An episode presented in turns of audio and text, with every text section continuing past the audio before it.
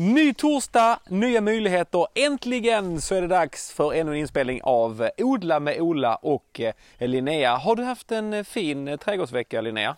Ja, det tycker jag. Värmen är ju äntligen här. Eller hur? Vi går här och njuter av eh, Sösdala eh, och vi står här bredvid något tjusigt. Vad är det vi ser bakom oss? Det är ett fält. Eller vilken tänkte, Jag tänkte du på på? det som växte upp, alltså Jaha! slingrar sig upp för det här. Ja. Vad är det för någonting? Det är ett gojibär. Åh. Ja, de ska ju kunna växa i, i ganska kalla klimat så att eh, vi planterade den förra året. Sen ska man ju klippa ner den rätt så hårt varje år.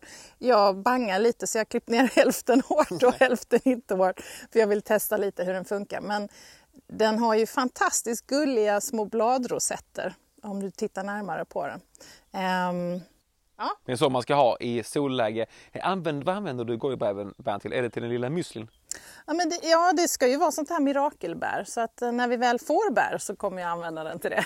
Det kommer evig, eh, evigt liv här. Alltså jag har ju haft en sjukt eh, hektisk trädgårdsvecka. Ja, vad har du hittat på? Eh, nej, men alltså, vi har haft fullt blås hela veckan och försökt rensa bort varenda spår av sonalpelargonen Tango Deep Rose with Eye. För jag menar, vem i hela världen vill ha ett enda spår av 2020 års årets pelargon när det nu står klart att Blomsterfrämjandet utsett årets pelargon 2021 och det blev badabam bam bam bam Sonalpelargonen Astrid. Grattis! Grattis Astrid! Alltså vad är detta för en tävling? Är, det, är detta liksom eh, eh, trädgårdsvärldens motsvarighet till Champions League? Mm, ja, kanske lite det. Eh, vi har ju lite olika. Årets pelargon, årets perenn, årets sommarblomma. Eh, mitt enda mål i livet är ju att årets pelargon kommer att utses i Odla med Ola och Linnea på den. Ja, men det... Dream on, säger jag bara. Det kanske kommer hända. Men alltså den här Astrid, alltså det, det ska vara tydligen ett rosa eh, och aprikosskimrande mästerverk. Eh, säkert många här av i Nybörjarpodden som direkt vill haka på vinnaren. Eh, vad ska man tänka när man odlar upp en, en sån här pelargon? Är det någonting man måste tänka på? Ehm, um, oftast så, eh, jag tror att just i och med att det är årets pelargon i år så kommer den nog färdig i en kruka. Så att då man ska ha den på en solig plats, man ska inte vattna för ofta. Ehm, men om man köper den som en stickling så måste man hålla koll på att den rotar sig så då behöver man ju vattna lite oftare. Ehm, det är väl det. Alltså har du, du som ändå är alltså, djupt eh, inblandad i, i trädgårdsvärlden, har du några ingångar i den här typen av tävlingar? Ja, lite grann kanske. Har vi ett avslöjande? Inte ett avslöjande, men Slottsträdgården och Malmö Garden Show har alltid varit eh, stolta eh, av att få vara en liten del av årets sommarblomma, alltså själva presentationen. Vi är inte med och bestämmer vilken det ska vara, men vi får lov att presentera den i alla fall. Är det sant? Klipper man bandet och ger den lite extra dressning eller hur funkar själva finalspelet? Ja, nu, några år nu så har vi fått göra det digitalt eh, och det kommer vi göra även i år. Men man kan hålla utkik på Malmö Garden Shows eh, och Slottsträdgårdens eh, Facebook och Instagram. Mm, och som den skjutjärns eh, trädgårdsjournalist jag har blivit så undrar man ju vilken kommer att vinna? Eh, no comment. No comments. Ja, då släpper vi det och idag ska vi alltså prata eh, kompost. Eh, och så här lät ju när vi dök rakt ner i eh, komposten hemma i Lerberget.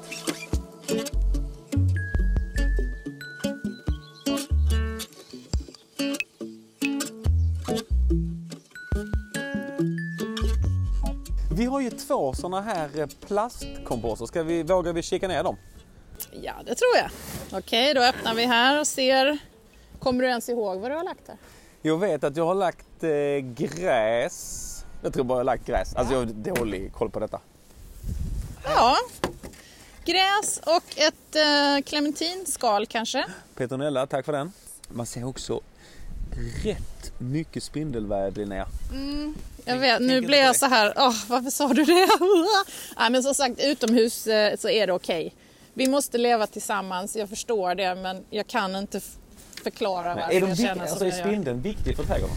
Mycket viktig. Ehm, den håller ju borta, till exempel, vi hade ju inte kunnat andas om vi inte hade haft spindlar för att då hade det bara varit så mycket insekter och myggor och skit.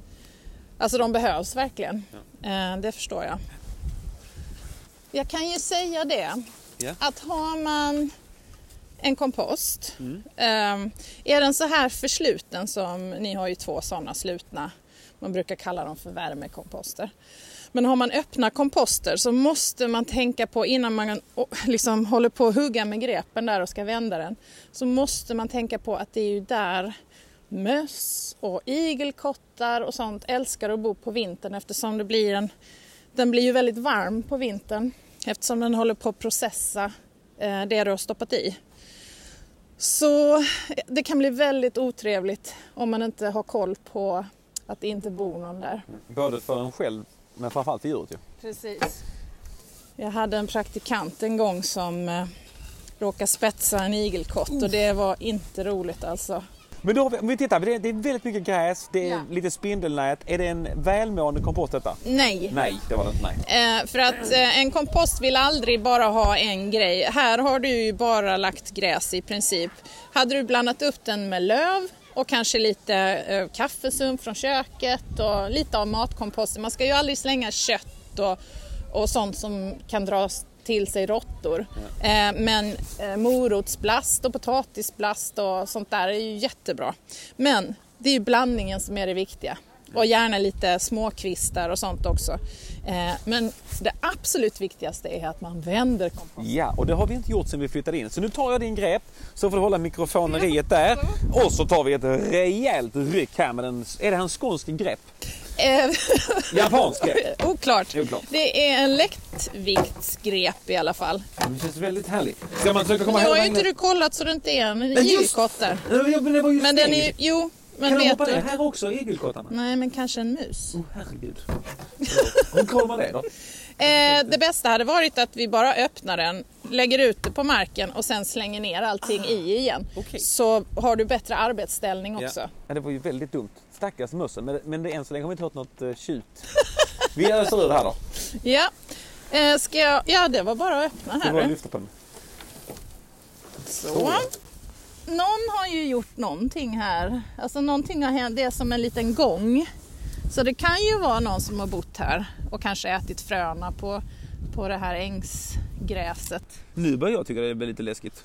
är du rädd för möss? Jag gillar inte, framförallt inte storbrorsan råttan. Nej, de är inte jätteroliga. Men eh, jag ty- du, du kan se här. På andra sidan så har du, där har det börjat förmultna lite bättre. Så där har du ju förmodligen haft lite blötare material som du har lagt i. Och då har processen, så det är mycket brunare och fuktigare på den nedre delen där. Hmm. Men nu så ska vi då vända detta och sen så är det in med eh, kaffesump och eh, morotsskal. Är det någonting mer man ska... Och vatten, just det. Vattna den och vill du att den kommer igång ännu snabbare så kan du hälla på lite hönsgödselpellets eller lite koskit eller något sånt. För det sätter igång den här processen att det blir varmt och, och förmultna snabbare. Men ska jag börja och bara ösa ut Mm, den det på gräsmattan och sen Den lägger vi handlings- den tillbaka det? handlingsförlamade Ola Semén står nu bredvid, backar undan som han brukar göra.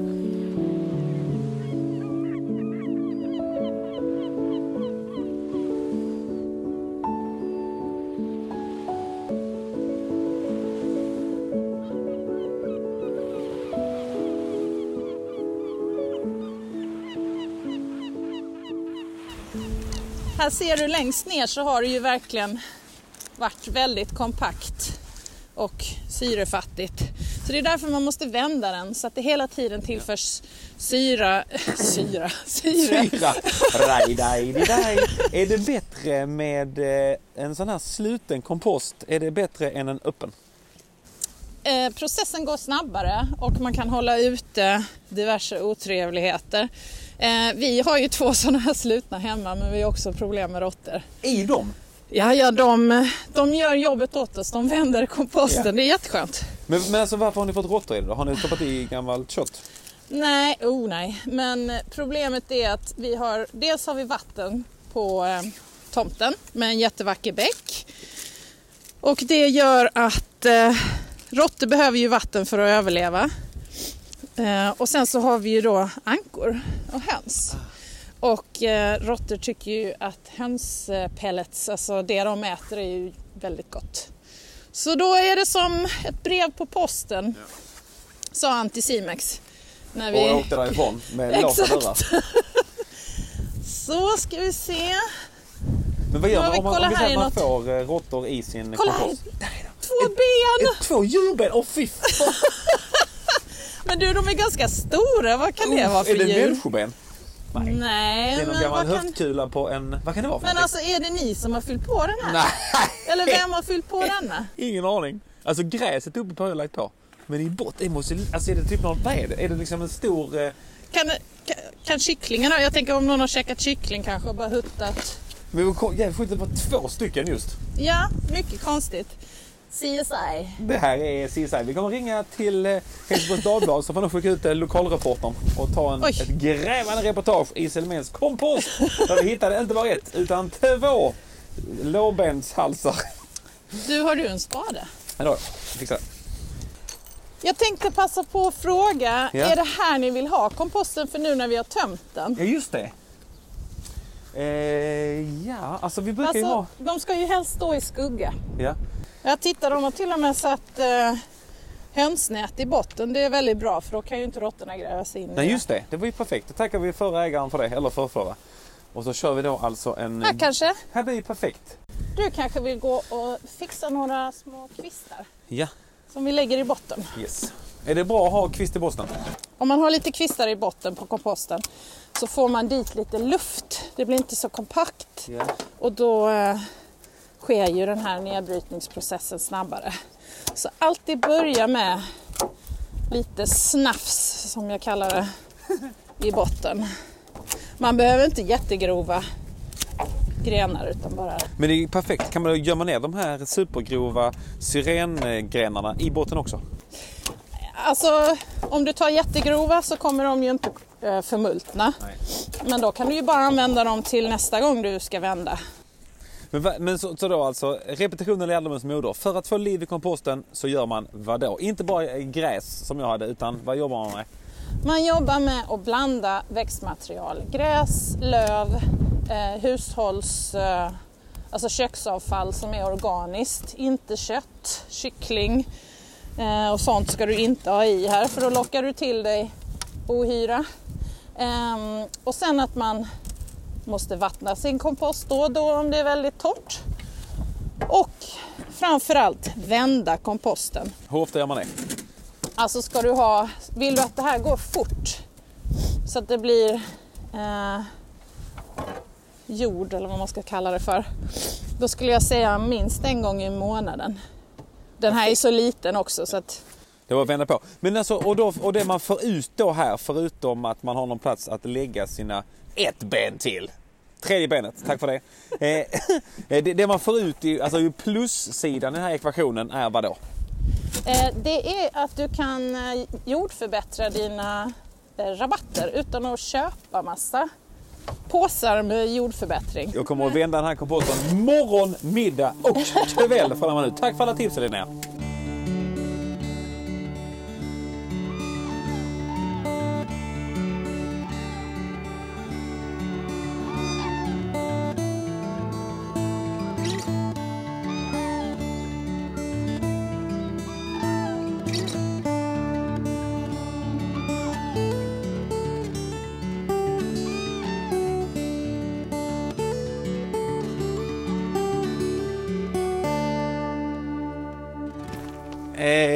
Såg det ut eh, hemma hos mig och det är lite annan fjong i komposterna här hemma hos dig Linnea.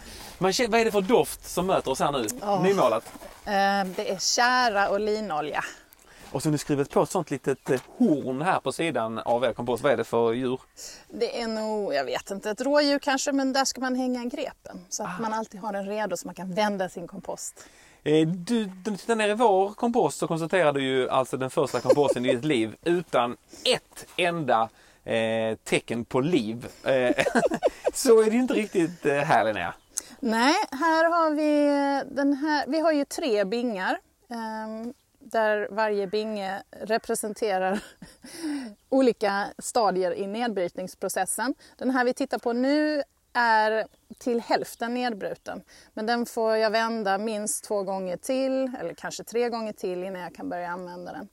Ehm, men det man kan se är lite gräsrester, man kan se lite insekter, någon liten mask.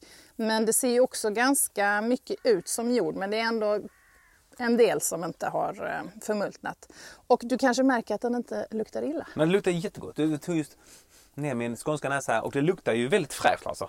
Ja, men det är ju så. Alltså, många tycker ju att komposter luktar illa. Men då är det ju för att man inte har skött dem rätt. För att de behöver mycket syre, du behöver vända dem ofta. Um, när, de, när de luktar illa så handlar det ju oftast om att de är för tunga och blöta och um, ja, de blir sura liksom. Eh, jag vet att myror vill man kanske inte ha för mycket av. Finns det något tricks att få bort eh, alla myror ur komposten? Eller kanske man visst vill ha myror i? Ja, de kan vara där. Alltså det vi har problem med är ju råttor ja, i komposten. Men eh, de hjälper ju oss att vända komposten så slipper vi göra det. Det är gratis arbetskraft. Ja. Men du har alltså tre eh, ganska stora fat. Vad är de? Kanske en och en halv gånger en? och tjugo gånger, ja något sånt. Och då har du tre olika eh, då och så, så flyttar du då långsamt åt höger ju mer färdig eh, komposten blir. Ja precis. Ehm, det är bra att alltid ha en, ett av de här facken tomt. Så att när du ska vända din kompost så kan du vända direkt i den, det tomma facket istället för att lyfta ut allting ehm, på marken utanför. Och sen så här längst bort så har vi en, den här är ju årets binge så att här eh, samlar vi ju sånt som vi kommer samla på oss under året. Här lägger man också, kan man också lägga lite papper i, det, det förmultnar snyggt eller? Papper, wellpapp, tidningar, allt sånt är jättebra. För du vill ju ha grönt och brunt i din kompost. Och grönt är ju växtdelar, gräs och så, mycket kväverikt. Eh, brunt är ju torra löv, eh, ja, wellpapp och papper och så. Mm. Ni har ju ganska stor då, en gång 1,2... tror den är 3,60. 3,60 ja. Eh, om man, eh, hur alltså, stor kompost ska man ha om man ska ha så öppen kompost eh, för en genomsnittsstor trädgård? Det spelar ingen roll. Alltså, tänk hellre större än mindre för att du kommer alltid ha för mycket material. Eh, så att det blir så störigt om du står där och så kan du inte fylla, eller bingarna är för fulla. Ja. Så vad ska du lägga resten då? Ehm, så att eh, tänk större. Sen kanske man, om man har en liten trädgård så man kan ju ha en öppen kompost, en limpa. Mm. kan man ju göra. Det gör vi i Slottsträdgården. Ehm, då har du dels så samlar du alla dina växtrester på ett ställe. Och sen så när du ska bygga själva komposten så sätter du ut fyra pinnar. Eh, du använder din tumstock här så du får raka fina hörn. Men då gör du en fyrkant eller en rektangel. Jag brukar göra dem en och en halv till två meter eh, långa varje sida. Och sen så lägger man eh, materialet som du har då i möghögen där du har samlat allting. Det lägger du på den här nya ytan i lager. Och så varvar du med lite hönsgödsel, mellan lagren och sen så blir det liksom en jättestor limpa till slut som du sen kan täcka med halm på toppen och vattna om du känner att materialet är väldigt torrt. Men då får den stå liksom som ett smycke i trädgården. Mm. Och sen så sjunker den ju mer den blir processad då, eller förmultnad. Um, men det är ett jättebra sätt att göra en kompost på om man inte orkar bygga sådana här stora träbingar. Sjukt snyggt har ni byggt. Tack! Och så luktar det gott. Vad var det du hade, hade målat till mig? Eh, vi skyddar träet med en blandning av kära och linolja. Fast ändå genomskinlig. Ja, men jag vill inte att den ska vara helt supermörk. Så detta kommer ju åldras och bli grått. Eh, och sen tar man liksom ett kliv vidare då. Då har vi alltså gått från en nästan färdig, den tomma och sen har vi eh, årets skörd. Och sen ligger det ju ett riktigt gott eh, lass här med, eh, är det kogödsel eller? Ja, vi har, eh, våra grannar är bönder från Holland och de har ekologisk mjölkgård. Så de har ju kossor där. Och, så att vi har byggt i vår trädgård så att de kan komma hit med traktorn och bara liksom skop, så att vi brukar få två skopor eller så av dem med kogödsel på hösten. Och sen får det ligga här så täcker vi över det så att det inte blir massa frön och inte hundarna går och äter. Nej, just det. ja, eh, så att ehm, då använder vi det i våra odlingar sen. Eh, om man bor lite mer i stadsmiljö, eh, vilket tror du är bästa argumentet för att få den lilla mjölkbonden att svänga inom och dumpa koskit i ens trädgård? Biobiljetter kanske, jag vet inte. Har ni behövt muta, muta holländare? Nej, vi, eh, vi känner dem bra. De har jätteduktiga barn som är bra på att köra traktor så att de kommer, så får de lite saft. Eh, vi har ju ett, eh, en passage till att styra upp och det är det här bokashi. Eh, vad är det för någonting? Bokashi är ett, eh, ett sätt att kompostera eh, där man fermenterar komposten eller materialet man lägger i burken som kommer från Japan från Mm. början. Och det har blivit superhett och everybody does it. Jag trodde ju när eh, Nick ringde mig och sa Ola och jag sa ja och han sa nu har jag bokat biljetter och jag var så här okej till vad? Och han berättade att det var en shiitake-svampodlingskurs i Perstorp. Då trodde jag att jag befann mig i det som är mest hipster 2021. Men frågan är om inte den här fermenterade superkomposten Bokashi eh, besegrar shiitake-svampodlingskursen. Nej, det är faktiskt old news. Okej, så ja. jag tror ändå att du var rätt så hipster när du tackade ja till den kursen. Det gick inte att slå det nej. Men håller inte han på med det, eh, Stefan Sundström? Jag bara tycker man minnas att han syntes i tv på Bokashi-turné. Ja, men han har ju till och med ett band som heter Bokashis Orkester. Så att eh, han, eh, han är ju verkligen, eh, vad ska man säga, eh, spokesperson för Bokashi i Sverige. Eh, och, och ehm, han har ju gett ut en liten bok som handlar om detta.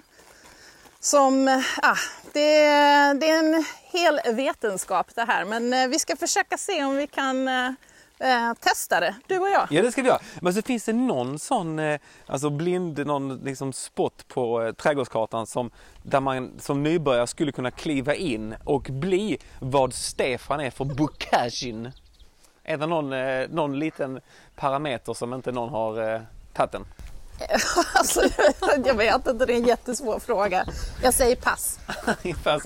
Har du någon, eh, någon specialgrej eh, som du håller på med i trädgården som ingen annan eh, håller på med än? Alltså har du hittat en, ett egen litet segment så hör gärna av er på, eh, på Instagram där, eh, Odla med Ola och Linnea. Vi vill gärna eh, ta reda på de, det, vad blir först med det senaste. Och nu ska vi alltså göra en eh, bokashi själva. Eh, är det svårt?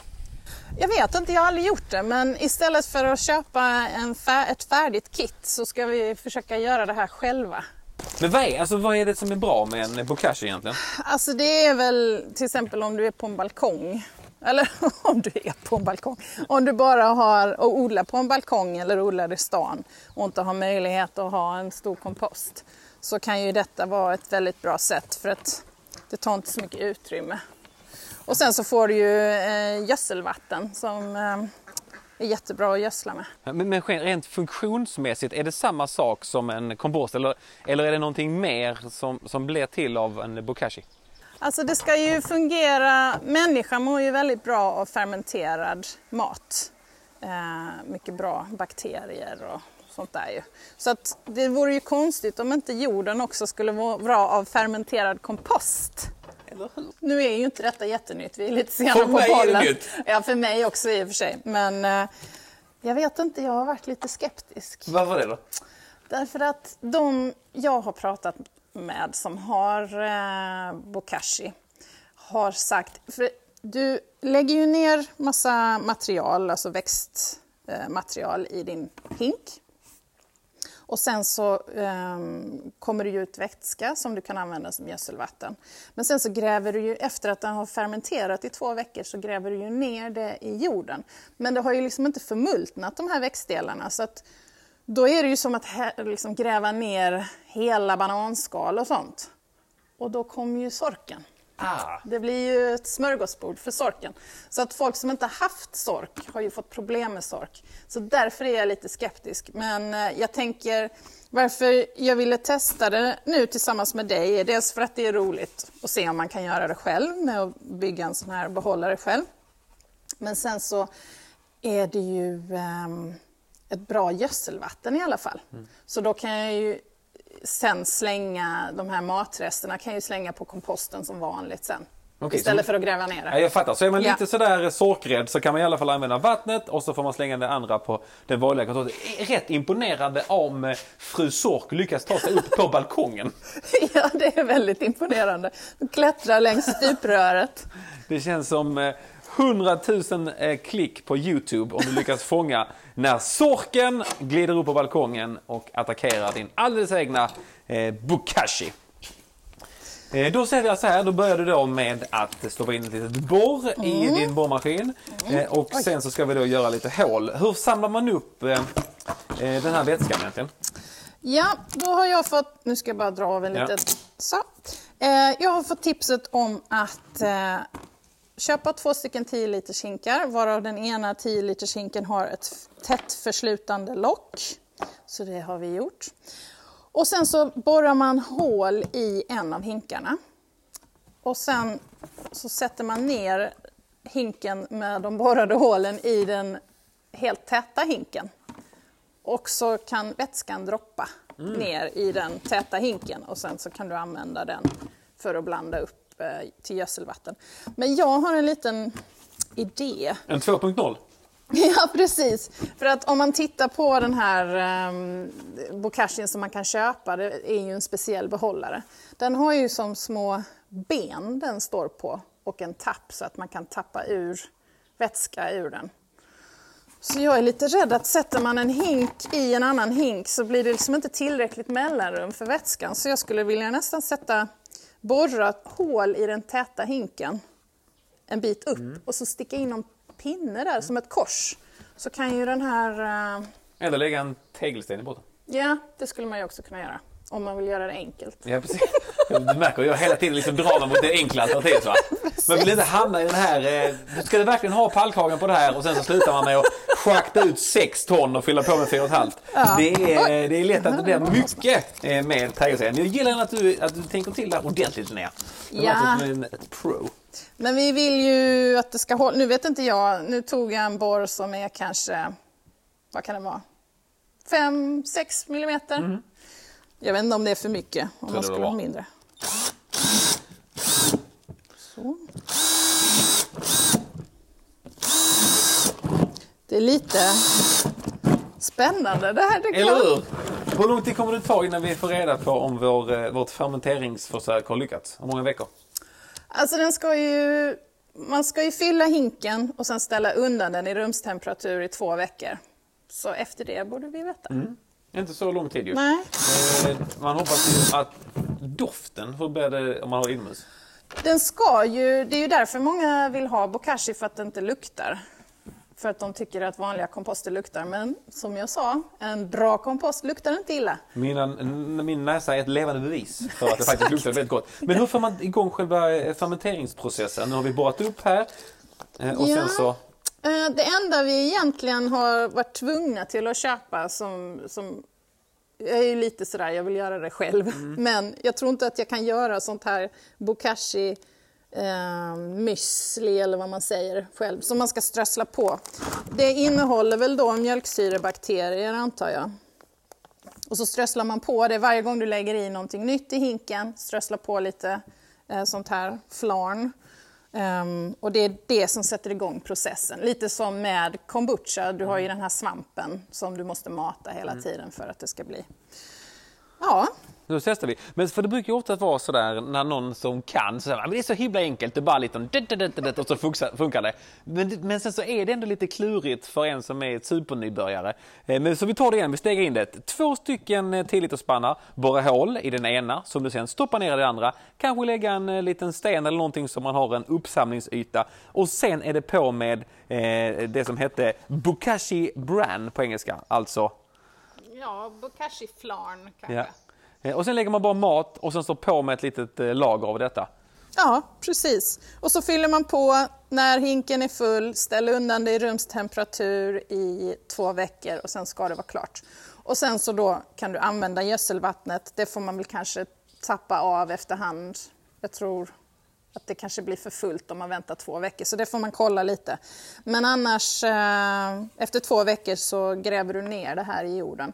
Har du en pallkrage på din balkong till exempel så skulle du kunna gräva ner i den. För jag tror ju inte att, ehm, att ehm, sorkarna eh, hittar upp dit i alla fall. Nej, det får de inte göra. Eh, Men då har vi alltså den stora, eh, den stora Bokashi eh, spillvattnens tävlingen. är detta bättre för eh, grödorna än vad det är med den klassiska eh, 1-10 eh, blandade guldvattnet? Ja, det vet jag inte. Det ska bli jättespännande att se. Det kanske någon av våra lyssnare har erfarenhet av. Eh, jag vet att jag fick en fråga på Instagram nu i mm. helgen om, ehm, vi pratade om växtföljd. Och då ehm, så frågade den här personen om hon hade en bokashi och så sa hon, måste jag ändå ha växtföljd även fast jag gräver ner bokashi i min jord? Och då sa jag det att um, även om du tillför jättemycket näring så måste du ändå byta ut vad du odlar i din uh, odlingsyta därför att annars kan jorden få jordtrötthet och, sådär, och sjukdomar.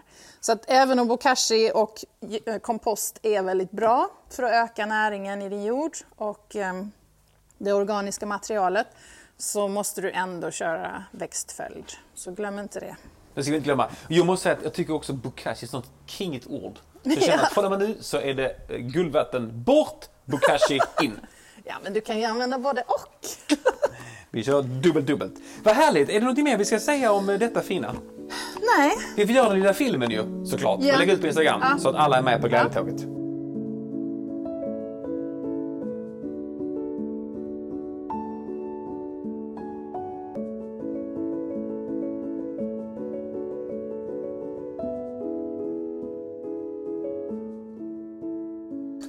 Vi har fått in eh, lite frågor här till oss, eh, mm. eller till dig ju. Eh, folk vill inte så mycket veta mina råd och det är fullt förståeligt. Fredrik på skivhörnan! Den är legend. Ja. Legenden han fortsätter att mata på med frågor. Han har krigat på med en rot i sin eh, nya trädgård mm. Eh, söder om Söder i den kungliga huvudstaden. Och han undrar hur mycket måste han såga bort för att den ska kunna växa igen? Alltså måste man ta bort hela åbäket eller räcker det med någon viss procentsats av roteländet? Det beror på lite vad det är för en växt. Det har han ju ingen aning om. um, men jag förstår frågan rätt att han vill bli av med den. Ja, precis. Ja. Ja. Um, då skulle jag säga försök att få bort så mycket som möjligt. Um, är det någonting som är väldigt kraftväxande, till exempel pil eller någonting sånt, så spelar det ingen roll hur mycket du tar bort. Om du bara lämnar lite kvar så kommer det bryta från den igen. Eh, samma med bambu och sånt där. Det är så? Alltså, det är, alltså, ja. det, det, alltså man kan inte nöja sig från det helt väck? Nej, inte pil. Nej. Jag har haft jättemycket problem med det. Eh, så försök att få bort så mycket som möjligt. Men annars så brukar det ju funka att... Eh, det finns ju såna här, ehm, vad heter de nu? Någon, det är en plugg som man borrar i roten, och stopp, eller mm. oftast i stubben då. Eh, man borrar ner i den och sen så stoppar man ner de här pluggen eh, som ska döda roten. Men jag vet inte hur miljövänligt det är faktiskt. Jag har inte riktigt koll. Han får ge sig fasten på bara få bort det och skippa pluggen. Ja, men alltså försök att, liksom har man en såg eller en yxa eller något sånt, försök att förstöra den så mycket som möjligt för att den förmultnar. Mm. Bra där. Man inte ge sig utan bara väck med den. Mona har köpt ett så himla mysigt hus i Malmö och bestämt sig för att förgylla eh, sitt, familjen och gästernas liv med dahlior. Mm. Använder sig av de här sittboxarna och konstnärliga regler. Eh, råkar sen plantera, plantera dahliorna eh, på fel håll. Finns det något sätt att i efterhand alltså göra rätt eller kan de klara sig ändå eller är det bara tack och godnatt? Mm. Ja du, men vad, hur vet hon att hon har satt dem åt fel håll? Ja, men satte löken liksom upp och ner på något vis. Okej. Okay. Eh, jag tror, alltså det absolut bästa tror jag är, för att jag är förvånad om de har hunnit komma jättelångt. Så då är det ju bara att gräva upp dem mm. och vända på dem. Så man kan göra det? Det är inte kört? Nej, nej, nej, nej. det är klart du kan göra. Eh, du vill alltså alltid ha den här lilla hårda skälkstumpen. Den ska ju vara uppåt. Eh, och sen så ska ju de här tuberna, knölarna, var neråt. Tuben neråt Mona. Men jag har en rolig anekdot. Ge oss den. Ge oss den. ja, nu är ju inte detta självupplevt men det här är den bästa historien jag någonsin hört. En man, en kompis till mig som är vinodlare.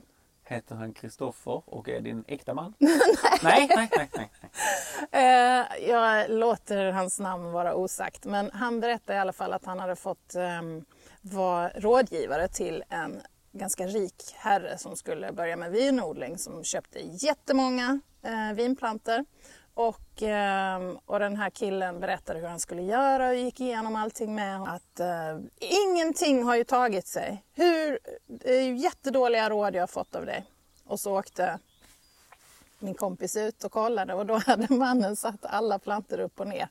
Så att rötterna var i luften. På hela vingården? Ja, och det var ju jättemånga plantor. Kan det vara så att den här eh, vinbonden hade spilt i några glas innan han odlade upp dem mot håll? Må hända, må hända. Men där var det ju för sent att ändra det. Men en dahlia, de har ju mycket fukt i de här knölarna. Så att om du eh, bara ner med handen, gräv upp dem och vänd dem åt rätt håll så ska det gå bra Mona. Då kommer det gå fint. Och är man osäker på vad som är upp och ner, vilket man får lov att vara i en nybörjarpodd, bara posta eh, rakt in på Instagram där eh, odla med Ola och Linnea så kommer du räta ut det och sätta på rätt håll, eller hur? Exakt. Tänk vad härligt. Och vinodlaren, han är också säkert lyssnar nu då som nybörjare. ja, precis. Hoppas inte. Hoppas inte det, nej. Eh, Stina, eh, vi har en fråga på temat rabatt. Eh, och eh, då är det citat här alltså. Det är fan, våra rabatter är fula året om. Jag har gett upp. Hur ska jag göra? Hon vill liksom ha prunkande rabatter, något som, som blommar under hela året eller så. Och det vill sig icke. Vad är det som har hänt? Ja, alltså här hade jag ju velat veta bakgrunden. Um, vad finns i rabatten till att börja med? Vad är det som inte levererar? Um, ja, så det är lite svårt att ja. svara på den.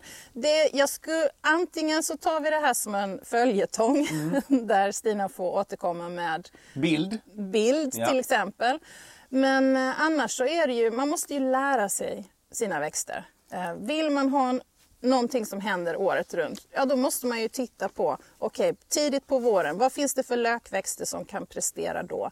När de har blommat över, vad kan ta över då? Vilka perenner kan ta över? Sen kanske du vill addera lite sommarblommor på sommaren, så när vissa av perennerna, de vårblommande perennerna är lite trötta, då kan sommarblommorna ta över. Och sen går sommarblommorna in ja. i de höstblommande perennerna. Sen kanske du har olika buskar som får höstfärger och sen så kanske du har lite höstlök som tittar upp också. Och sen är vi tillbaka. Ja, och så har du det här prydnadsgräset också som vi pratade om förra avsnittet. Just det. Eh, apropå sommarblommor. Vet du av en händelse vilket som kanske blir årets sommarblomma? Nej, jag har ingen aning. Just det. Eh, men, men tre tips då. Eh, du har en blank rabatt. Ge oss ett, bara tre namn på vad man skulle kunna sätta för att få någon slags eh, följd som funkar. Har vi, är det liksom ros eh, gött eh, och sen så, eller hur, hur ska man tänka där? Har man, man, man kan ta tre från höften. Ja, då hade jag sagt en eh, vårblommande lökar, alltså tulpaner eller eh, påskliljor. Och sen så hade jag då sagt en remonterande ros, alltså en ros som blommar flera gånger per säsong. Och sen under den så hade jag satt kantnepeta. En blommig liten, påminner lite om lavendel men ändå inte. Du har några sådana till exempel. Tack. Ja. Eh, och den börjar ju blomma redan i april, maj. Men sen så klipper du av alla blommorna. Du bara köttar ner den mot marken. Och så kommer den att börja blomma igen. Så då blommar den hela sommaren sen. Så att eh, de tre kanske. Och så lite prydnadsgräs. Åh, oh, så prydnadsgräs. Stina, känner du det här? 2022, då kommer du bli eh, årets rabatt. Ja, alltså man kanske behöver lite mer än så, men det är en bra början. Ja, det är en bra början. Det känns ändå som att eh, en rimlig sak att, att ta tag i. Eh, du, du var inne här på tulpanlökar. Malin undrar, kommer alla tulpanlökar år efter år eller är det beroende på sort? Det är beroende på sort. Vi har någonting som heter botaniska tulpaner och det är ju, ja man kan kalla dem för vildtulpaner också. Så att de, de sprider sig och de kommer år efter år. Eh, sen så har du de här tulpanerna som har blivit framavlade till att vara olika färger och former och så, ju mer människan har varit inne och pillat på dem, desto sämre håller de. Så att många tulpaner ska man tänka att de är ettåringar. Eh, man kan förlänga vissa av sorterna med hjälp av att man gödslar dem med benmjöl på hösten när man planterar dem och blodmjöl på våren. Men eh, du har en, eh, en sort som heter Darwin tulpaner de är sådana här stora fina rabattulpaner. rabatttulpaner. Och de kan prestera i alla fall ganska många år om du gödslar dem. Darwin tulpaner är tipset. Jag bara tänker varför ska man inte ha de här vilda? Det låter ju väldigt mycket skönare att de bara kommer av sig själv. Ja, de är fina men ofta så är de mycket kortare. Ehm, vi har några under trädet, jag kan visa dig eh, när vi går förbi. De är jättesöta men de har ju också en, en lite vildare look så att säga. Oftast är de gula eller röda eller orangea. Ehm, så det är väl därför folk inte alltid vill ha dem. För att man vill ha de här lite blaffiga som man kan skryta med. Såklart vill man kunna skryta med tulpanerna. Eh, mm, är det någon speciell färg som är årets kulör? Vilken är den mest exklusiva färgen på eh, tulpaner? Är det någonting som är... Åh, kolla där! Där är en... Badabam, bam, bam, bam, lila tulpan. Som är extra snyggt anses vara. Ehm, nej, jag vet inte. Alltså, tulpaner som alltid är väldigt poppis, det är ju de här som är lite vita med gröna strimmor i sig. Ehm, men annars, och papegojtulpaner är ju superpoppis nu bland människor som gör uh, olika floral eh, vad heter det, installationer, blomsterinstallationer. Så jag skulle nog säga papegoj, eh, olika färger av papegojtulpaner. Hur ser, vad är det som skiljer en, eh, en papegojtulpan från en vanlig tulpan? Om du tänker dig en, eh, en, eh, en oljemålning med en vacker bukett så, är, så kanske du ser de här stora blaffiga tulpanerna som nästan har lite fransiga ehm, blad. De, de är inte alls ihop, eh, alltså de är väldigt utfläkta. Ehm, ja, det är väldigt eh, dramatik och extra allt. Och, Extravaganza! Kan man äta tulpanlökar?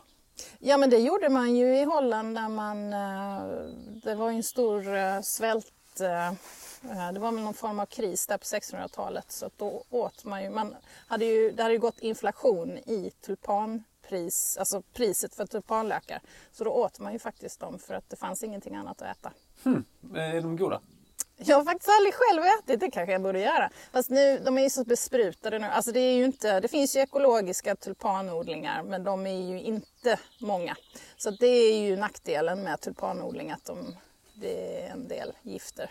Så jag hade nog inte ätit, jag hade kanske ätit en ekologisk tulpanlök. Hur ligger, alltså, hur ligger priset om man jämför då ekologisk eh, tulpanlök med en vanlig eh, gul lök?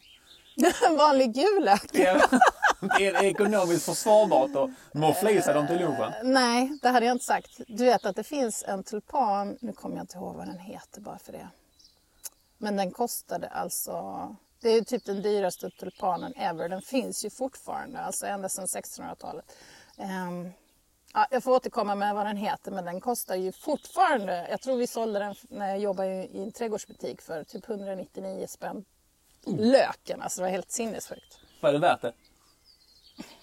Alltså den är vacker men jag vet inte. Nej, jag tycker om sånt som man kan få mycket av och, och sprida mycket glädje utan att det kostar för mycket pengar. Ja. Man behöver inte ha den här eh, eh, ryska kaviarens motsvarighet till, till tulpan. Det funkar med vanliga. Ja, det gör det. Vad härligt! Men vilket, eh, vilket eh, fint eh, kunskapsband vi har bjudit på här. Alltså, vi har jobbat igenom komposten och sen så gick vi rakt ut till den här fermenterade Stefan Sundström-varianten bokashi och sen så bara landade vi in i tulpanlök och vi taggar säkert igång någon liten hemmakock där att, att tillaga den lilla tulpanlökspytten här nu ikväll och då rekommenderar jag alltså ekologiskt. Är det någonting mer vi ska ta med oss på temat repetition är lärdomens moder Mm, kompost ska lukta gott, då mår den bra. Vilket härligt slutcitat. Eh, Glöm inte att följa oss på Instagram, Odla med Ola och Linnea. Eh, Vill man ha frågor eh, så går det också bra att mejla oss. Odla med Ola och Linnea at gmail.com. Fredrik Sander kommer att klippa. Han kommer få ett jävla jobb idag alltså. Ja, det kommer han. Jag ber om ursäkt i förväg Fredrik. Och så tack för att du lyssnar. Det är ju, vi är så himla glada för alla fina tillrop. Ja, det är roligt när ni kommenterar på Instagram och, och alla era frågor. Det, vad hade vi gjort utan Fredde på skivhörnan, säger jag också. Vad hade han gjort utan dig Linnea? Han hade varit eh, helt hjälpsam. Men ha en eh, fin eh, trädgårdshelg. Är du taggad Linnea? Jag är mycket, alltså det här är, maj och juni är mina absolut bästa trädgårdsmånaderna. Det händer så mycket då. Är det dina bästa trädgårdsmånader så är det mina bästa Linnea. Det låter bra.